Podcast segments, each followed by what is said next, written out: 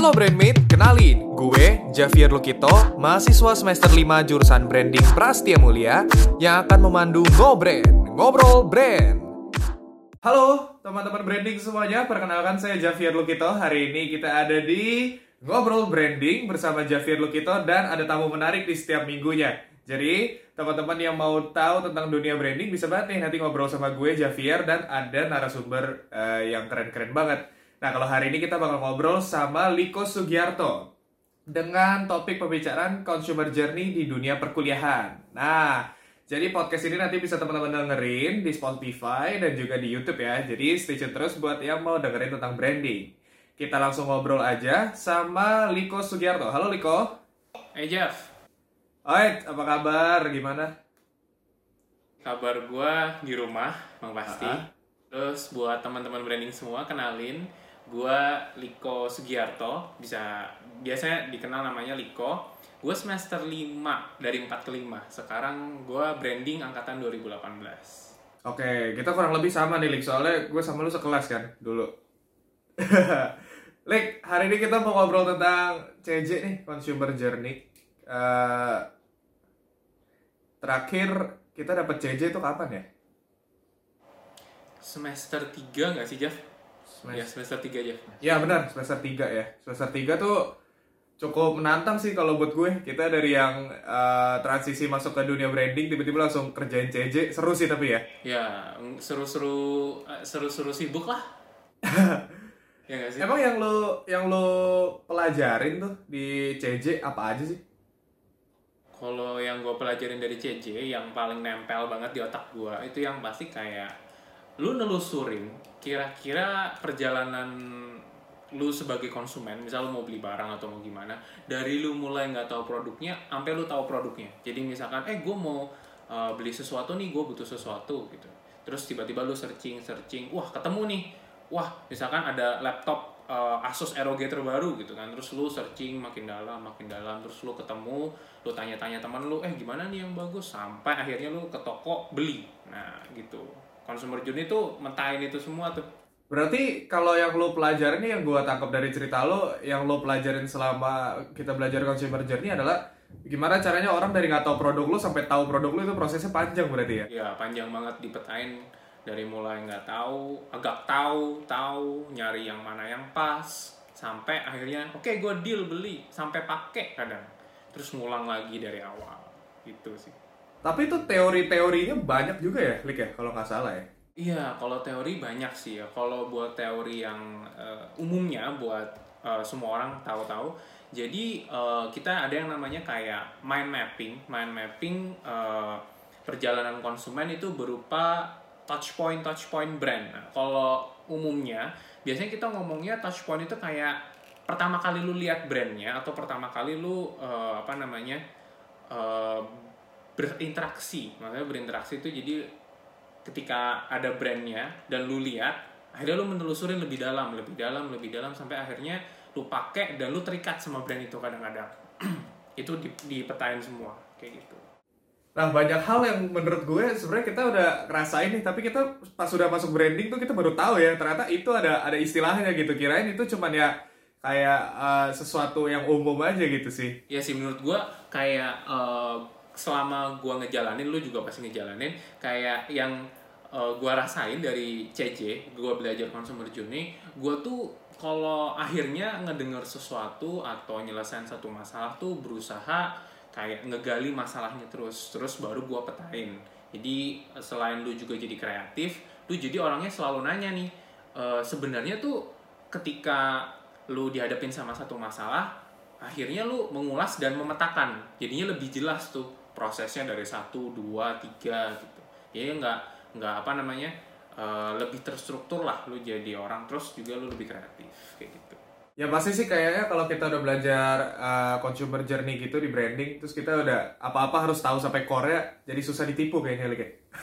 ya kayaknya susah ditipu apalagi apa namanya? Lu harus metain semuanya kan dari awal sampai akhir gitu gitu. Tapi Lik, kalau kegunaan consumer journey nih, yang lu rasain apa? Kan kalau misalnya kita di kelas mungkin dapat teori terus langsung praktek nih, tapi prakteknya kan dalam masih koridor uh, akademis tuh, berarti kita dapat tugas yang harus kita jalani. Tapi kegunaan consumer journey yang lu rasain di kehidupan sehari-hari, selain lu bisa metain masalah apalagi? Di mana lu bisa pakai itu Kalau di CJ itu kegunaan yang gua rasain selain gua berpikir lebih analitis itu juga eh, gua jadinya eh, apa namanya ketika gua akhirnya nanti di terutama di persiapan gua bisnis ya itu eh, kepake banget sih. Dalam artian misalkan gua mau bisnis nih terus gua bingung gua harus mulai dari mana? Gua eh, me- menggambarkan konsumen gua kayak personanya itu misal gue butuh satu membayar berimajinasi gue butuh satu persona nih. Kira-kira eh, konsumen gue kayak gimana? Gue bahkan detailin tentang misalnya dia pakai baju apa dia makan eh, di mana aja dia kerjaan yang ngapain aja. Nah itu gue jadi punya gambaran yang lebih jelas tentang nanti gue berimajinasi itu gimana jadi lu jadi sedikit lebih imajinatif gitu menurut gue ya. Benar-benar tapi Lik gue mau nanya nih. Teori CJ andalan lu apa? Teori CJ CJ andalan gue ya? Hmm gue paling suka ini ketika set, eh, lu selesai metain touch point Mhm. lu nemuin eh, core core problemnya. Nah jadi maksudnya gini kayak ketika lu sudah matain semuanya akhirnya lu harus nemukan kira-kira pain points itu yang di setiap eh, konsumen tuh pasti ada. Lu kesel atau misalkan lu keganggu. Ini contohnya gue kayak eh, gue pakai di dunia nyata ya. Kayak misalkan lu lu buka bisnis. Ya lu buka bisnis lu jualan barang misalkan. Katakanlah aksesoris. Lu punya toko offline dan lu punya online. Dan di offline itu ternyata lu nemuin eh, konsumen lu nih tiba-tiba padahal udah masuk ke toko tapi ternyata kenapa keluar lagi dengan ibaratnya eh, wajah yang kurang enak ya. Nah eh, dari situ ternyata pasti terjadi pain points di mana entah dia risih jadi ilfeel apa gimana. Nah di situ yang kita mesti eh, eh, apa namanya petain benar-benar. Terus kalau misalkan yang di online ternyata tampilan lu jelek nih. Eh, tampilan dari website lu. Dan orang jadinya kayak ih apaan sih? Terus ditutup gitu. Nah, kalau tadi kan kita udah ngomongin nih eh, pengalaman CJ lo eh, seorang Liko Sugiarto sebagai orang yang udah ngerti CJ nih, orang yang udah udah belajar tentang CJ, terus kita analisa sesuatu dengan CJ. Tapi kita sekarang mau tarik balik nih, seorang Liko yang biasa aja yang cuma seorang customer nih yang nggak ngerti tentang CJ nih. Ada nggak sih pengalaman consumer journey lo yang lo baru paham, oh ternyata gue tuh ngejalanin consumer journey lo, tapi setelah gue belajar CJ gue baru tahu bahwa apa yang gue lalui itu adalah sebuah consumer journey. Bisa diceritain gak, Lik? Ah, gue pernah. Kalau yang relatable banget sama teman-teman branding tuh ini. Misal lu belanja Starbucks gitu ya. Kan Starbucks tuh kadang dia promo-promo di OVO, terus promo-promo di kalau gua waktu itu di Sakuku. Lu kalau bayar Sakuku Starbucks 30%.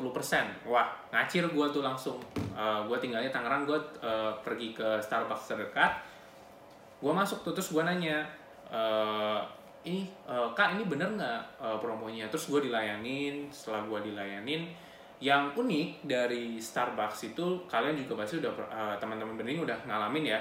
Kalian kadang setelah ditulisin nama ditulisin kayak have a good day kak atau misalkan eh, enjoy your drink. Nah dari situ awalnya gue cuman gue ngerasa kan kayak oh iya so nice gitu kan. Kalau setelah gue belajar CJ gue baru tahu ternyata perasaan gue yang jadi lebih kita katakan mood ya mood boosting lah. Tapi eh, apa namanya versi apa diberikan oleh pegawainya itu termasuk bagian dari consumer journey yang diberi yang dikasih sama Starbucks ke gue gitu nah menurut gue sih gitu ya gue sebagai konsumen Starbucks gitu Bener. Jadi eh, kalau yang gue tangkap dari cerita lo adalah dengan lo mendapat tulisan di gelas itu lo jadi punya apa ya sense of belonging gitu ya jatuhnya ya. Tapi Lik kalau bahas tentang tulisan nama di gelas kopi itu kadang sering ya. Gue denger denger nih katanya kadang suka sengaja disalahin namanya.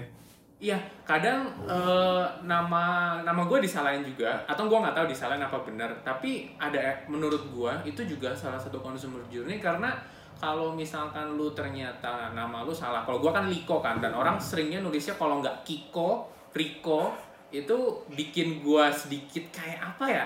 Kayak kok nama gue ditulis begini? gitu kan. Ah. Nah, dan akhirnya eh, bahkan gini yang uniknya setelah nama gue ditulis salah waktu itu oleh salah satu pegawai orang itu gue coba datang lagi gue tes gitu gue beli lagi nama gue ditulis salah nggak kali ini? gitu. Gitu. Akhirnya gue repurchase gue beli ulang gitu loh. Karena apa namanya ada satu pengalaman yang bikin gue tertarik untuk uh, gimana kalau gue datengin lagi ya gitu. Kayak gitu. Mungkin mungkin banyak orang nggak sadar sih kalau kayak lo tuh begitu dapat tulisan nama lo di gelas gitu terus lo kan otomatis ngepost tuh di Instagram lah atau di mana gitu itu lo bantu branding sebenarnya bener gak Lik? Iya, secara nggak langsung gitu sih. Terus uh, kalau misalkan uh, gelas Starbucksnya waktu itu dibikinnya sesuai kemauan gue. Misalnya uh. kayak uh, gue pesan karamel macchiato, uh -uh. Uh, terus tiba-tiba setelah dikasih ke gue, dia tampilannya estetik banget lah kalau kata orang. Nah terus ya udah gue foto kan. Nah itu kadang teman-teman gue nanya, apalagi uh, gue kan uh, apa namanya asalnya Kalimantan ya. Terus teman-teman gue yang di Kalimantan pada nanya oh tuh Starbucks di mana? Kok bagus banget dia uh, kayak nyusun ininya nyusun minumannya gitu.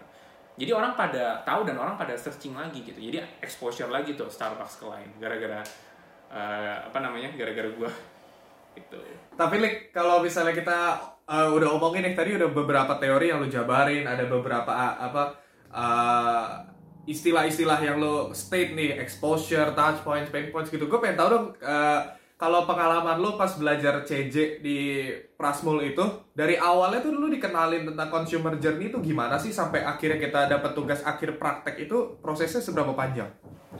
Oke, ini gue recall recall ya. Uh-huh. Kalau gue pertama kali ketemu itu di apa namanya dijelasin secara general ya, hmm. yang pasti kita dikenalin teorinya general Terus yang pasti kita disuruh nyoba sendiri buat uh, mind mapping. Mind mapping itu yang di apa di kelas gue itu di, di apa benar-benar kita di push buat uh, semua rangkaian uh, kreativitas yang muncul, ide-ide yang muncul tuh taruh dulu. Ide ide muncul apa, taruh. Ide muncul apa, taruh. Uh, terus persona kalian seperti apa, coba di langsung dituliskan di kertas. Akhirnya setelah uh, dengan mind mapping, brainstorming yang apa namanya yang panjang, baru kita akhirnya susun-susun dari uh, apa ya sticky notes itu disusun-susun, terus akhirnya uh, tahap selanjutnya kan kita kayak bikin uh, solusi gitu ya Jeff, kayak bikin apa namanya kita solusinya ini nih buat pain points, baru uh, dosen ngomong antara di approve atau ada apa ada ruang untuk perbaikan atau ada ada ruang untuk improvement kayak gitu. Terus habis itu setelah kita belajar uh, apa yang kayak simulasi gitu di kelas pas kita kerjain tugas akhirnya jadi gampang ya. Jadi cuma kayak ya kerjain project selanjutnya aja gitu ya. Bener sih menurut gue gue setuju sama lu. Jadi kayak pas kita di disuruh ke lapangan ya yang muncul di otak gue oh kayak gini dosen pernah ngomongnya kayak gini. Dan yang gue rasain ternyata apa namanya walaupun berbeda ya di lapangan cuman uh, apa namanya dosen udah ngasih kita simulasi gitu Lek terakhir Lek, ini kan kita lagi uh, apa? Kita lagi new normal nih ya. Kita sebelum bahas tentang new normal, gue pengen tahu nih, kira-kira lu sebelum belajar tentang CJ tuh, lu tahu gak sih kalau apa yang lu jalanin dalam purchase ke Starbucks itu tuh sebuah consumer journey? Lu ngeh gak sih? Atau lu setelah belajar CJ lu bersadar, oh ternyata ini consumer journey nih? Gue baru nyadar setelah gue consumer journey jadi pertama-tama yang gue beli-beli aja gitu. Gue repurchase atau beli lagi ya gitu-gitu aja. Tapi setelah gue uh, belajar aja terus ke Starbucks gak pernah sama lagi. Maksudnya kayak lu jadinya ngerasa posisi lu tuh sebagai konsumen itu ternyata sama Starbucks tuh uh, diperhatiin dan uh, dipikirinnya tuh dengan consumer journey kayak gitu. Oke gini tuh rasanya gue ngejalanin sendiri gitu benar benar. Jadi makanya itu ya tadi yang dari awal gue bilang kan mungkin kita banyak hal yang kita lakuin banyak hal yang kita uh, lakuin uh, purchase itu kita nggak sadar bahwa kita adalah bagian dari consumer journey itu atau kita sedang menjalani journey itu. Bener ya Lik ya? Bener bener banget bener. mantap sih. Seru banget sebenarnya kalau belajar CJ tuh kita jadi tahu hal-hal yang sebenarnya tadinya tuh di back end gitu. Jadi kita kita tahu sampai ke dalamnya Like terakhir like kalau misalnya ini lu lihat nih, ini kan sekarang lagi new normal nih. Uh, banyak offline store yang jadi online atau banyak online store bermunculan. Kira-kira uh, di di vision lo nih, consumer journey yang bisa diterapkan di era new normal ini apa sih yang sejalan sama ilmu kita? Oke, okay, kalau menurut gua pas pandemi otomatis uh, apa namanya orang bakalan cari satu uh, apa namanya satu pengalaman atau sensasi tambahan menurut gua yaitu uh, lu butuh rasa aman. Jadinya ketika lu mulai ngeliat sampai bertransaksi kalau ngeliat kan di offline ya kalau yang di online kan pasti aman. Itu menurut gue lu butuh kayak tambahan sensasi oh gue purchase di sini tuh aman. Gue purchase di sini tuh bakal yakin gue uh, terhindar dari uh, apa namanya corona misalkan. Nah jadinya ketika kita atau nanti teman-teman branding berusaha menyusun dalam keadaan new normal maka uh, sensasi dan pengalaman yang ditambahkan itu uh, apa namanya tetap safe tapi nggak boleh ngurangin unsur funnya. Atau misalkan uh, kalau apa namanya pengalaman-pengalaman di CJ yang ibaratnya memberikan uh, kesan brand itu sendiri tuh nggak boleh dikurangin tapi harus ditambahkan dengan rasa aman menurut gue jadinya misalkan kalau yang online lu beli apa namanya misal lu beli barang gitu ya lu harus tahu kan kalau paketnya tuh udah di apa udah di, di, di disemprot sama disinfektan gitu kan. Atau misalnya lu ke offline lu dikasih kalau kayak gue gue pernah tuh ngerasain di Saburi Kintan itu gue makan di sana gue dikasih sarung tangan. Nah itu kan gue jadi rasanya lebih aman tuh dan gue pengen repurchase lagi jadi karena uh, makan di situ aman gitu. Menurut gue gitu sih Menarik banget, Lik. Thank you banget. Uh, eh, gue setuju banget sama lu yang di bagian aman ya, bahwa memang banyak orang sekarang lagi perhatiin kesehatan dan keamanan sih. Itu sih kayaknya ya ke depannya. Tapi ya namanya vision, bisa benar, bisa enggak. Namanya prediksi. Kita orang branding itu pasti punya data untuk prediksi. Betul ya, Lik ya? Bener banget. Thank you banget, Lik. Udah ngobrol-ngobrol hari ini. Thank you banget buat sharingnya, terutama mengenai consumer journey. Sehat-sehat terus ya. Nanti untuk teman-teman branding semua, jangan lupa kita akan sering-sering ngobrol sama narasumber yang keren banget. Stay tune terus di Spotify dan YouTube kita, atau bisa juga cek di Instagram at brandingprasmo. Thank you teman-teman branding, Javier signing out.